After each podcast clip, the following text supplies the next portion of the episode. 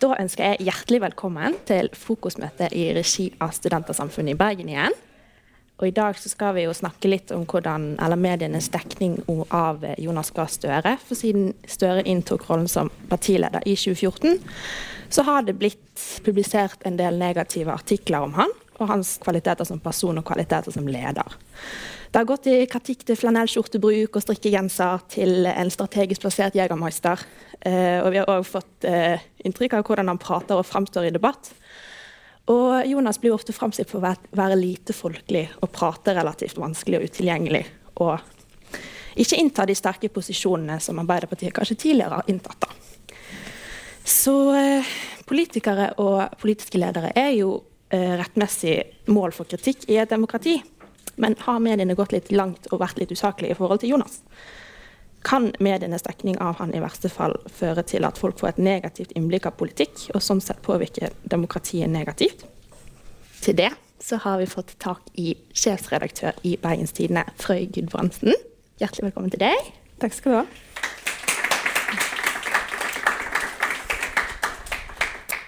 Så hvis vi skal begynne litt generelt nå, hvordan, hvorfor er det interessant for mediene å fremstille politikere og politiske ledere? Hva er det liksom man vil få ut av en sånn fremstilling?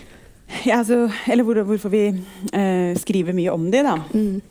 Eh, det er fordi eh, politikerne, og særlig partilederne, det er jo de som eh, forvalter tilliten vår. Det er jo de som, når vi går til valg, det er jo de som eh, sitter med den eh, fremste makten. og Eh, de, sitter, de, sitter, rett og slett med utrolig mye makt. Eh, og, eh, og, selv om det er demokratisk, demokratisk, makt som vi på en måte har kontroll på, så det så må, tenker jeg at det er helt rettmessig at velgerne får bli kjent med de personene. og eh, få gjøre seg opp sin egen mening om det. Uh, og da betyr det også at vi eh, skriver, eh, skriver, om det negative hvis det dukker opp kritikkverdige forhold.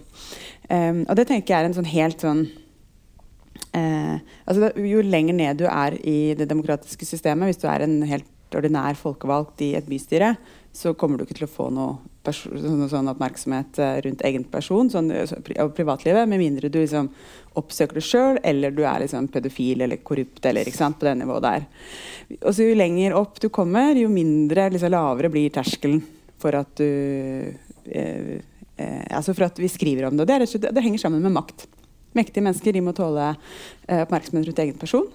Eh, og det gjelder for så vidt også oss i pressen. at eh, altså, Mektige mediefolk må også tåle det. Eh, så, men de, aller, de som sitter eh, og bestemmer aller mest i dette landet, det er jo det er rett og slett personer som Erna Solberg og Jonas Gahr Støre og osv.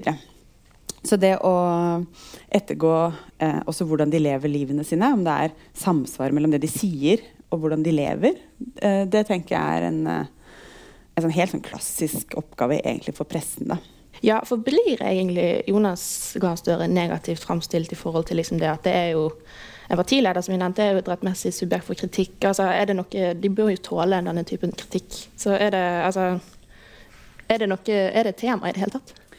Eh, jeg tenker nok at det er et uh, tema. Og så skal vi sikkert bruke litt tid på å snakke om uh, hvorfor. da. Og så tenker Jeg jeg tror nok at um, Når jeg snakker med folk i Arbeiderpartiet, så uh, er nok ikke alltid vi helt sånn enig i liksom, hvilke av sakene som er over streken eller unødvendig. Eller, Der nok, vil nok man være uenig. Og så er det også sånn at i, i, Norge så har man jo heldigvis veldig mange medier som har ulik terskel, ulikt fokus på hva som er viktig. Der, um, for, for, Finansavisen så vil terskelen for oss at en sak er interessant knytta til økonomiske forhold, være ganske lav sammenligna med f.eks. Bergens Tidende. Sånn uh, og det gjør at du får uh, altså sånn, I enkelt, eh, hver enkelt avis, hver, hver enkelt eh, medium, da, så kan den beslutningen om å være, at, liksom at det, jo, den saken det, det, er en god sak for oss, det mener vi er riktig at vi skriver om knytta til eh, Det være seg Jonas Gahr Støre eller en annen. da, eh, Den kan liksom være helt, sånn, eh, helt riktig for hvert enkelt eh, medium. Så, så kan det tenkes at liksom, to, det totale kan bli stort. Og jeg tror nok at hvis du sammenligner med eh, en del andre partiledere at det har vært mange eh, saker knytta til Jonas Gahr Støre. Og, og, kanskje liksom bitte litt mye. Eh, og så vil jeg si at eh, mitt eh, mitt synspunkt da, er at eh, de aller, aller fleste av de sakene har vært helt, helt ok. Mm. At det kommer fram, da. Mm.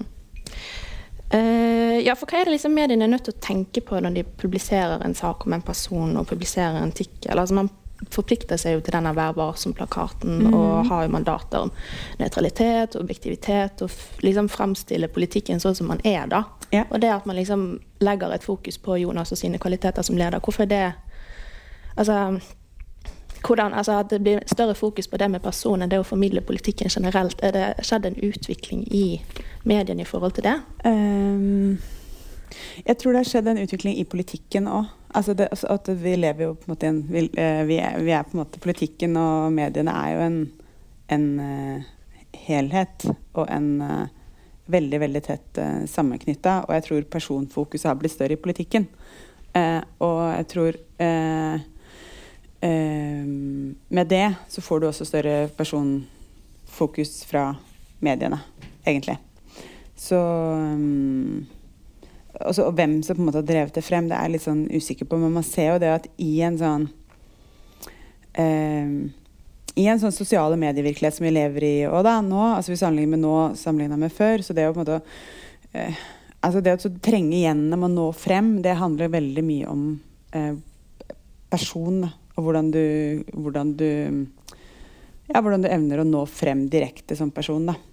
Eh, og det har nok forsterka også den eh, utviklingen. Men sammenlignet med ja, skal, Vi skal ikke gå inn i valgsystemet og sånn, skal vi gjøre det? Nei. Fordi, Litt teknisk kanskje på morgenkvisten. kvister Fordi eh, det er jo noen Hvis vi sammenligner Norge med andre land, så er det jo noen strukturer som gjør at, vi, at det er mindre personfokus her enn altså, ja, Fordi det er jo et eh, Man velges jo på partiet og ikke på eh, ikke, altså, altså Man velger faktisk inn som person, da, men altså, man har et, eh, altså, partiene er veldig sterke i det, demokratiske systemet vi har. Da. Eh, Mm. Så em, ja. Mm. Men det du nevner ved at uh, dere har altså, en kritisk forhold til det der med makt, altså Mm. det at du skal skildre maktposisjoner og være kritisk til den posisjonen de har, altså blir det godt nok framtrukket at det er derfor dere gjør det? At det er, altså, det er ikke det at dere er ute etter en politiker, at det er ute etter noe, men at dere altså, Hvordan kommuniserer dere det? Nei, men det? synes jeg er et godt spørsmål, fordi det er det som jeg lurer på. Noen ganger så sant, Vi lever jo eh, vi lever litt i vår egen virkelighet noen ganger, i mediene. Og jeg tror de fleste journalister som eh, det vi møter på, har et veldig sånn, sterkt forhold til samfunnsoppdraget. Et veldig sånn, sterkt forhold til hvorfor man har valgt det yrket, hvorfor vi gjør det vi gjør. da. Og ehm, for min del så er det der å, eh, å holde makten ansvarlig, og det at det fins noen som stiller de kritiske, uavhengige spørsmålene, eh, det er bare helt eh, altså det, det er derfor vi går på jobb om morgenen. Liksom. At vi, vi, vi syns sjøl at vi gjør en viktig jobb på vegne av demokratiet. Eh, og det eh, det mener jeg vi gjør. Eh, og så er det ikke alltid vi liksom, at vi husker å forklare Jo, men eh, vi mener det er riktig å liksom påpeke disse tingene fordi eh, dette er en mektig person som det er viktig at dere, dere kjenner godt til. fordi Hvis ikke de kjenner til disse egenskapene, så kanskje dere tror han er en helt annen person enn det han faktisk er. da. Og så vil jeg også si, Nå skal jeg ikke, skal jeg ikke liksom trekke frem noen navn, eller noen ting, men et, noen ganger så opplever jeg at det er sånn at eh, altså Når man jobber som politisk journalist og man kommer tett på politikere, så får man jo et Man blir, man blir bedre kjent med det. ikke sant? Og de aller, og de aller, aller fleste tilfellene så får man jo et, eh, et egentlig et bedre inntrykk, egentlig. De er jo stort sett utrolig ålreite folk. De, en? Sammenligna med det inntrykket man kanskje får gjennom mediene. da, fordi ja, de fleste mennesker er nå ålreit. Men, eh, men så hender det jo også at vi ser noen sider, da.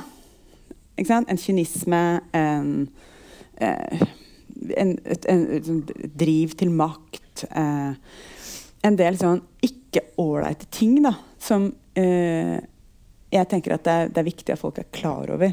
sant? Og noen ganger så får vi det ut og skriver om det. Andre ganger så er det mer sånn ah, Hun der også er en litt sånn Hun der er ikke helt god, men vi kan ikke, altså, vi kan ikke skrive om det, da. Nei. Men jeg tenker jo sånn, så etter hvert som man liksom blir kjent med politikere, så tenker man jo at er, når velgerne skal stemme på dem, så er det greit om de veit altså, Det er greit at de, at de veit om det, da.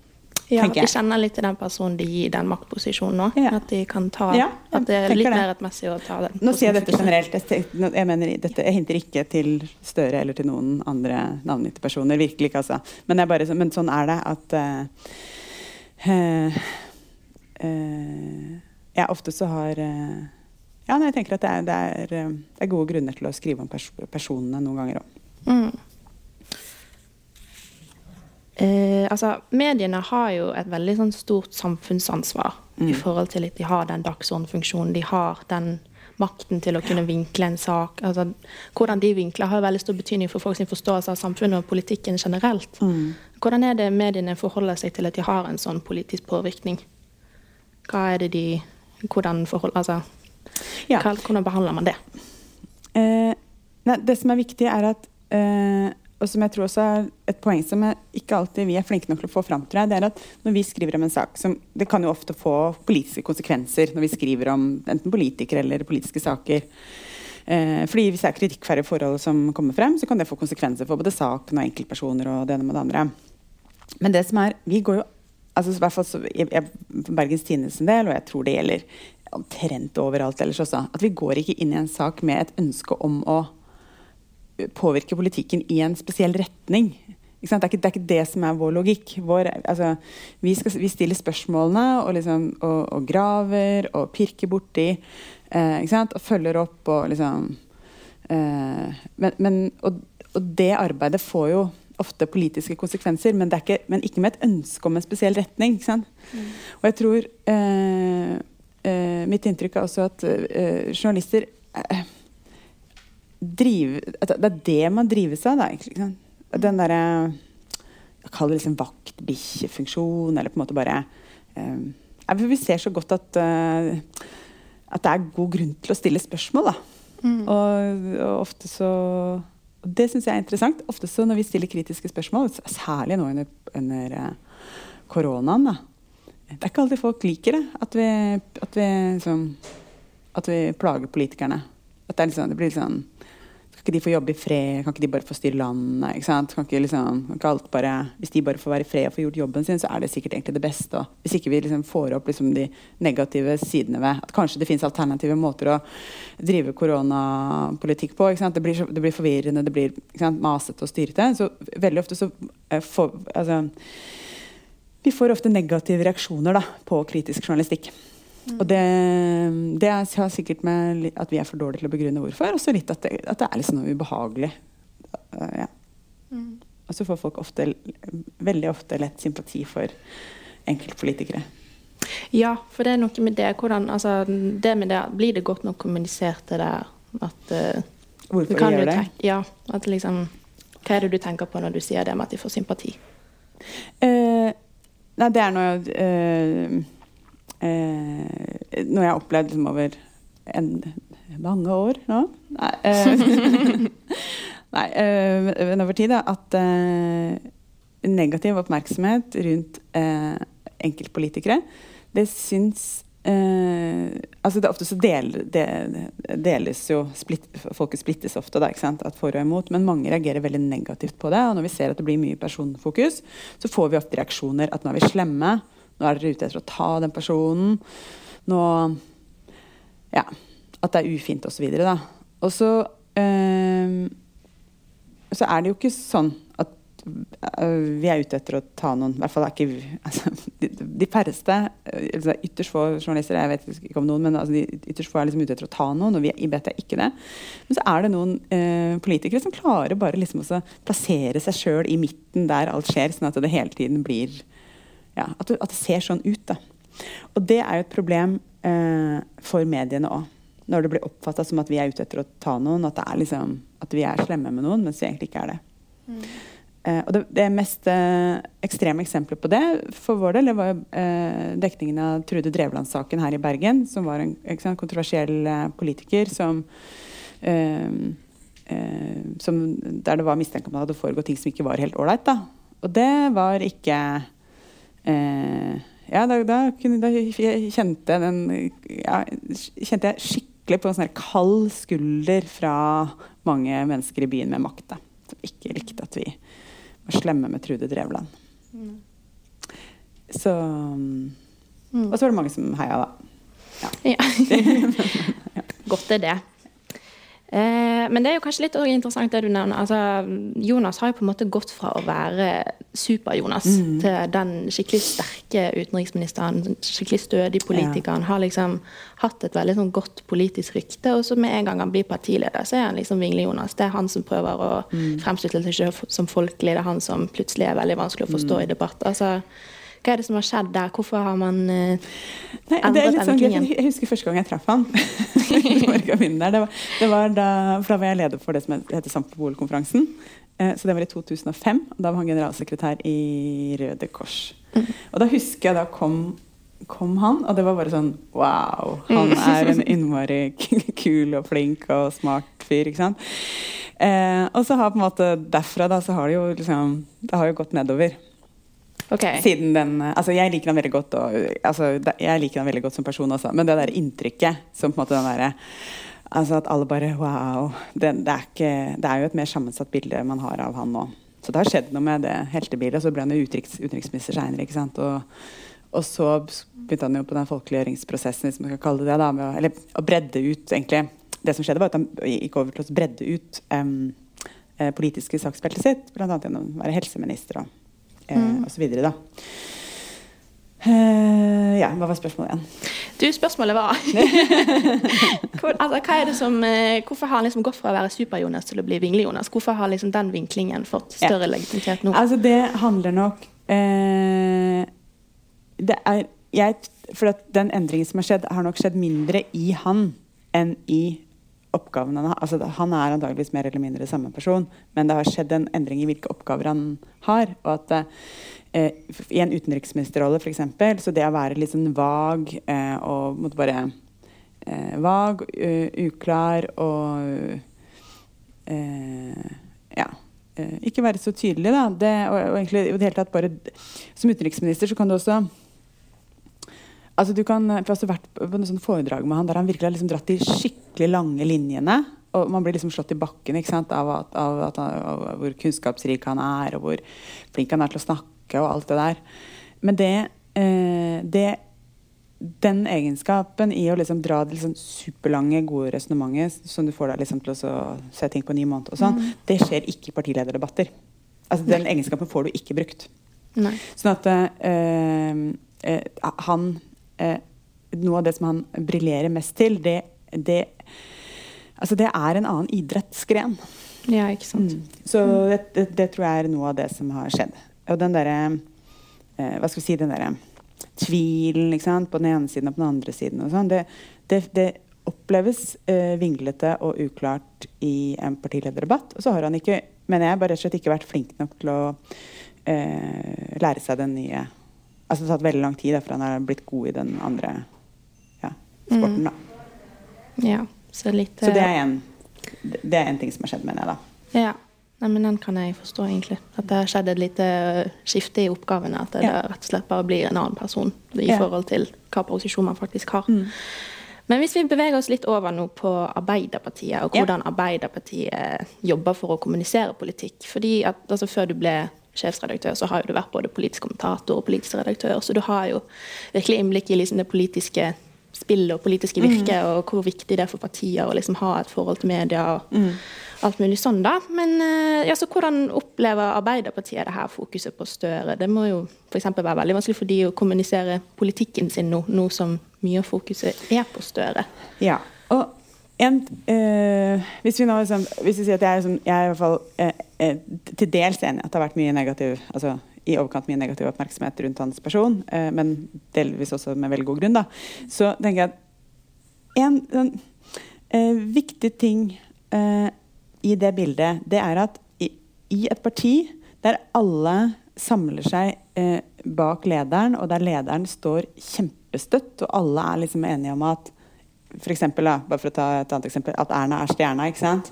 Da, ikke sant? Da, eh, da, blir det ikke samme dynamikk rundt eh, negative saker. I Arbeiderpartiet så har det vært mer tvil rundt om han har vært riktig leder, og det har hele veien vært. Og det mener jeg har liksom vært eh, eh uavhengig av og i tillegg til den, altså de negative sakene. Da. Sånn at når det i et så stort parti som Arbeiderpartiet eh, har vært ja, så han har til dels uh, mangla litt støtte. Da, Folk har stilt spørsmål ved om han er rett mann for dem. Da får det en um, Ja, da påvirker det hvordan de, negative sakene får utspille seg òg, da. Mm. Mm. Så, men, men så, min opplevelse er at det, sånn generelt altså, syns jo folk i Arbeiderpartiet at det er Altså det er jo et uh, veldig stort parti, så folk syns jo alt mulig rart. Men uh, at uh, som regel så syns de at det har blitt for mye negativt. Men at de også syns at mange saker har vært til dels klønete håndtert. Og det gjelder ikke minst sakene som knytter seg til hans private økonomi. Ja, ikke sant. Ja. Det er jo et tema i seg sjøl, det. skulle jeg si. men altså, det altså bare sånn Hvordan forholder man seg til politikk i et sånt altså til dels mediefokus på person som politikken òg liksom har rettet opp til. Hvordan, er det liksom, hvordan skal man kommunisere politikk? Altså hvordan, Nå vil jo kanskje Arbeiderpartiet prøve å snu om fokuset litt til å få det tilbake på de politiske sakene. men hvordan, hvordan kan de gjøre det i dagens mediebilde og dagens politiske bilde? Uh, nei, altså uh, det, det, vil jeg trekke frem har vært godt diskutert i podkasten 'Håkon må gå', som kanskje noen andre hører på. Uh, der har det vært ganske godt dekka med at nå har det, det er liksom akkurat som det er et skifte i Arbeiderpartiet nå.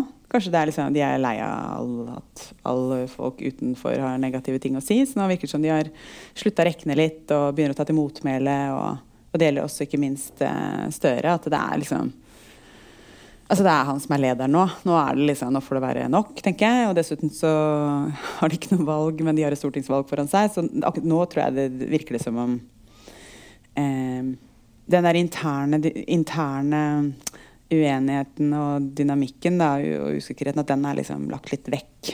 Og det er jo en, det er jo en jobb som bare Arbeiderpartiet sjøl kan eh, eh, gjøre. Mm. Og det eh, Og så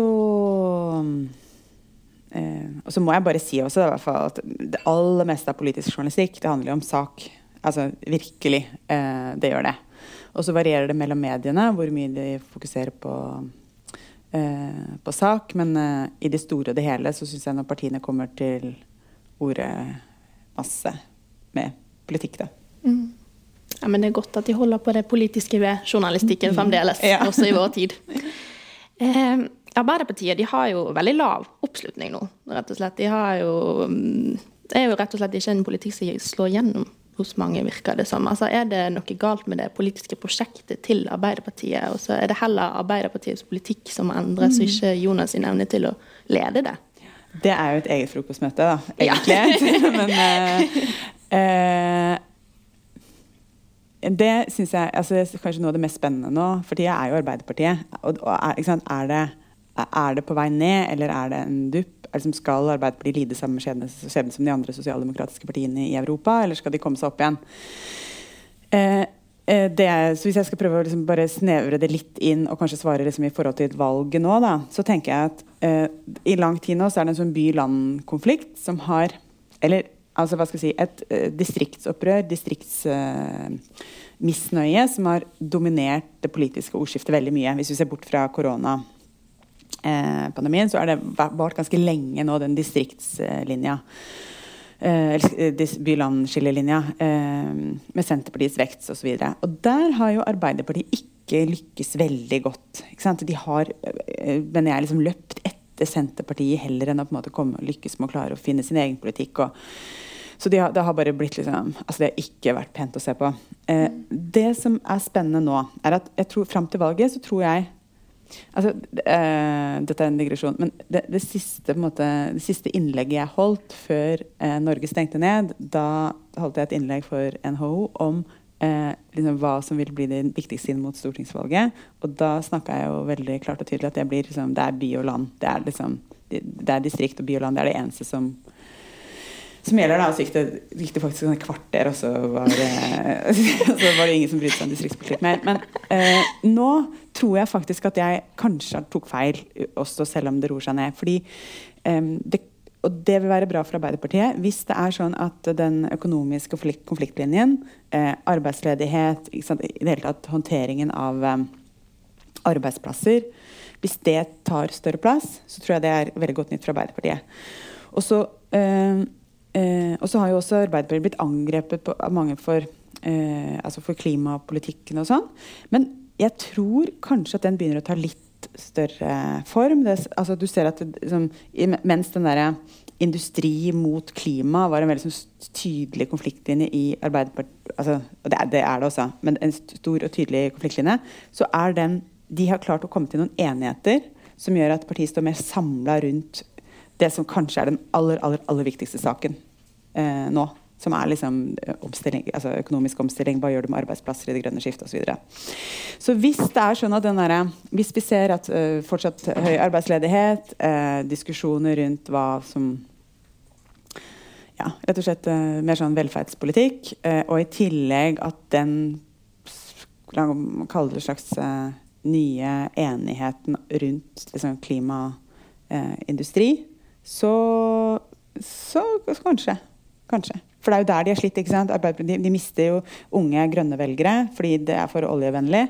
også eh, har vært, Mens på den andre siden så har de jo heller ikke vært liksom eh, klart å holde på folk. På den andre siden har det ikke vært nok har vært nok oljete for andre igjen. ikke sant? Så, Nei, ikke sant? så hvis de nå klarer å ja, er litt mer troverdige på den biten, så kanskje. Mm. At de rett og slett får litt saker de kan være tydelige om nå mm. framover. Kanskje òg i lys av koronatiden. Ja, men dette er, dette er ja, ikke, dette, kan, ja, dette er, det skal en, en hypotese. Kan bli en lang samtale, her. eh, men litt sånn som vi har snakket om nå. altså Arbeiderpartiet og Jonas har jo på en måte òg sjøl eh, holdt oppe litt den der fokuset på egen person. De har jo hatt veldig fokus på å få han framstilt som folkelig, få han framstilt som den gode lederkvaliteten. Strikkegenser, jegermeister, flanellskjorte, altså you name it. Uh, men vi vet jo, altså, han har jo en elitistisk bakgrunn. Han har jo de ledervervene han har hatt. Han har jo vokst opp på vestkanten og utdannet i Frankrike. Og har jo egentlig arbeidet så veldig i Arbeiderpartiforstand. Så er det liksom en Hvor sterk er den der mis, mistroen mot han som Arbeiderpartileder?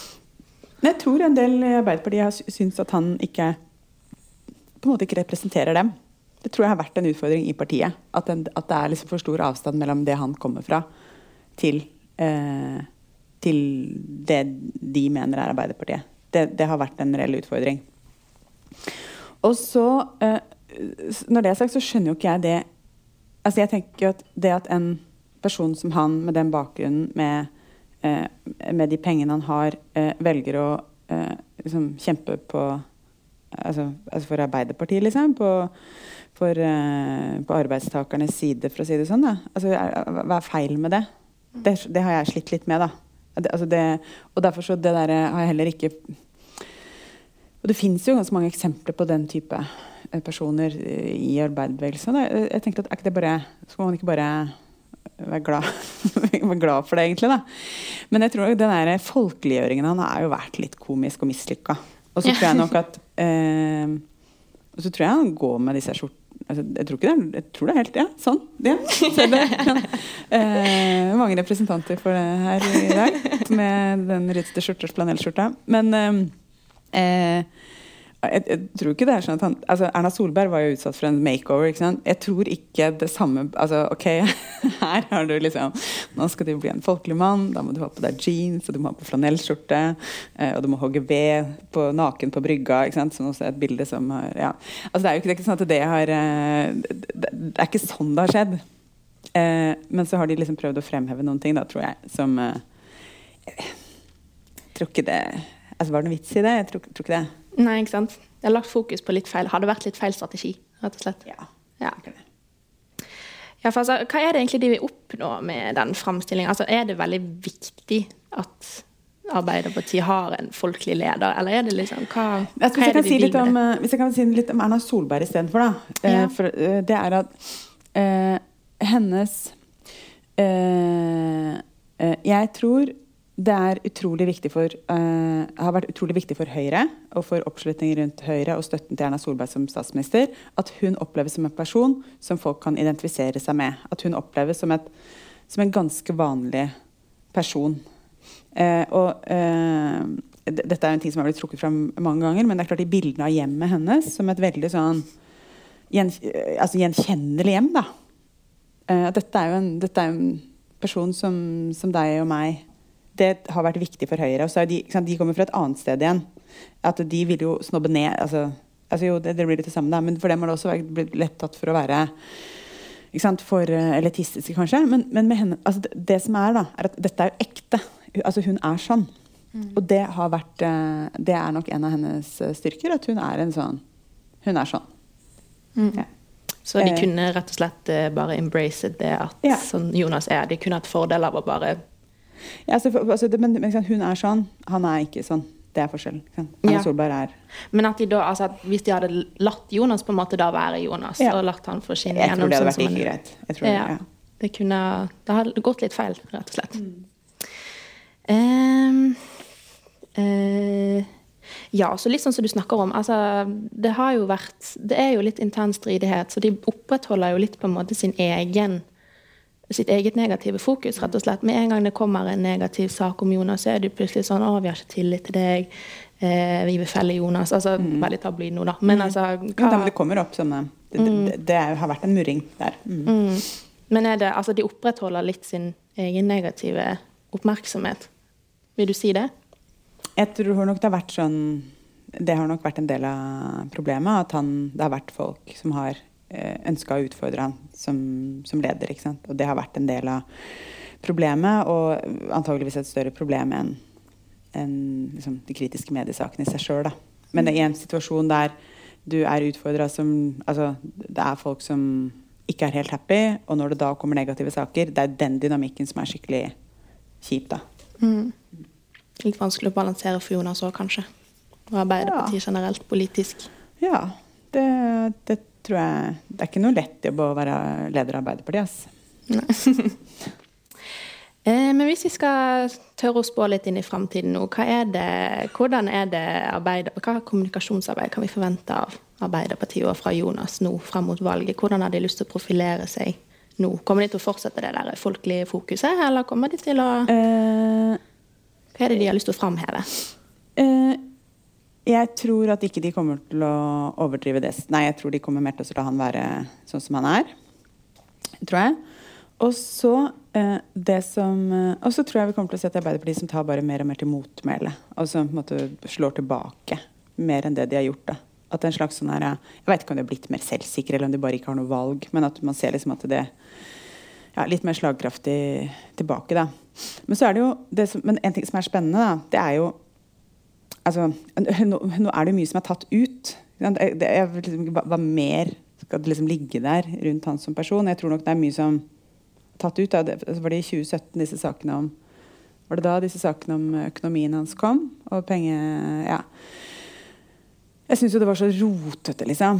Altså, at ikke de bare at ikke han hadde og det, den, Jeg tror den saken, med- hvis jeg bare kan ta den, da, det Ja. med hans, pri, hans eh, private pengeplasseringer Altså for det, det ødela på en måte i alle velgergrupper, tror jeg, da, som Arbeiderpartiet kunne. Fordi hvis du var en, hvis du var liksom, tilhører mer sånn arbeiderklasse eh, og syntes egentlig han var egentlig at Støre var litt for rik eh, for å være Arbeiderpartileder, så var jo de sakene om at han hadde penger i diverse eh, ja, fond rundt omkring som ikke var gode, da, at de var eh, det minte deg jo på det. At dette er en fyr som opererer på et helt annet Altså Han holder på med noe han, Hans liv, hans økonomi, er ikke Det er på en annen planet i forhold til vårt liv, da. Så det var veldig skadelig den veien. Men så var det egentlig ganske skadelig hvis man kaller det mer sånn middelklasse eller liksom potensiell mer på høyresiden. da. Sånn, er det mulig å ikke ha bedre kontroll på egne penger enn det han hadde? Altså, hvordan, hvordan kan du liksom ikke vite hvor du har plassert pengene dine? Og hvordan kan du liksom, som Arbeiderpartileder ikke bare ha sørga for å ta det der ut og sikre at alle plasseringer er etisk forsvarlige? At, at liksom hva Er det mulig, da? Og der har det jo liksom kommet fram siden at det er jo, at det er jo folk som har hinta om det. da. At du skal ikke liksom passe på at du har skikkelig god kontroll på hvordan pengene dine er forvalta. Sånn, og så har, det liksom, så har det blitt sett på som en, for mye av en privatsak. da. Så det mener jeg at den, ja, altså De sakene der de var skikkelig negative, og de var selvforskyldte. Eh, og nå, jeg vet ikke altså han kan jo ikke den, altså Hvis det kommer flere sånne saker nå, da, altså da er det hans feil aleine. Men eh, ja. Så, så jeg tror jo at en fordel er jo at Jeg tror jo at det nå er jo mest av det greiene der Av de liksom store, skadelige sakene tror jeg kanskje er eh, De er forbi, Jeg de forhåpentligvis. Mm. Mm. Jeg tror det. Så de vil rett og slett prøve å få litt mer fokus over på politikken nå. Mm. Jeg, tror lett, jeg, tror det er mulig nå. Mm. Mm. Eh, men litt sånn i forhold til, for å runde av litt nå, hvordan er det rom for Arbeiderpartiet til å liksom ta rom? Altså, De har kanskje litt sånn døll politikk, skulle jeg si. Altså.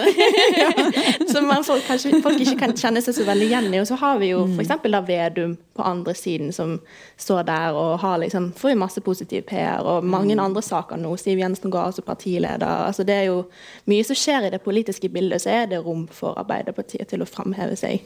Ja, altså Når vi kommer når vi nærmer oss valgkampen, så, så, blir det mer rom for det. Mm. det og Arbeiderpartiet er jo gode på valgkamp, eh, vanligvis. Det som er spennende nå, er jo eh, hvordan blir denne valgkampen. da? Med tanke på, altså Det blir jo ikke dørbank, antageligvis. Det blir ikke, blir, altså jeg tror ikke det er så mange, henter så mange stemmer på Torgallmenningen, da, på valgbodene. Men alle disse fysiske møtene, hva, hva, hva, skjer rundt de? da? Og da er det ikke sikkert at det der, altså det å ha en svær partiorganisasjon med veldig mange medlemmer som kan være der ute, det er ikke sikkert man får dratt nytte av det. Det kan godt tenkes at eh, det, eh, altså, Så vet jeg ikke, men det kan godt tenkes at eh, og så er klart Penger og til digital markedsføring og sånn betyr jo noe, men sånn, det kan jo godt tenkes at det er litt andre Jeg er ikke sikker at de får utnytta den maskinen Arbeiderpartiet, da. Sånn som de har pleid å gjøre. Så det syns jeg kanskje er mer spennende. Men, eh, ja, men jeg er jo bare i det hele tatt spent på hva som blir de viktige sakene fremover. Da, og kanskje særlig liksom hvor uh, I hvilken grad blir det plass til klimapolitikk f.eks. Og den dimensjonen der, som jo har vært veldig sterk en stund. Blir det plass til den, eller blir det bare en sånn koronavalgkamp? Mm. Og, og, hvor mange er vaks Hvor vaksinert er vi? Er, liksom, er, vi? er vi en eufori? Det er liksom, det er liksom bare fremtidstro og liksom glede som preger oss? Eller er vi sure fordi det fortsatt er eh, restriksjoner? De tingene tror jeg kan spille inn på valgdagen. Mm. Så like vanskelig å spå kommunikasjonsarbeid som det er å spå resten av tingene fremover i samfunnet nå, sikkert. Ja. ja. Da ser jeg at tiden begynner å renne litt ut for oss, så eh, jeg tror vi runder av og sier veldig, veldig tusen takk, Frøy, for at du kom og snakket litt om det her, og trekker oss inn i hvordan mediene forholder seg til personen og Jonas, og i det hele tatt. Veldig kjekt å få litt innspill og få litt inntrykk av hvordan det funker. Bare veldig hyggelig å være her. Jeg har sittet og snakka i en evighet, så jeg blir sikker på nok. sånn blir det enmannspanel. ja. ja.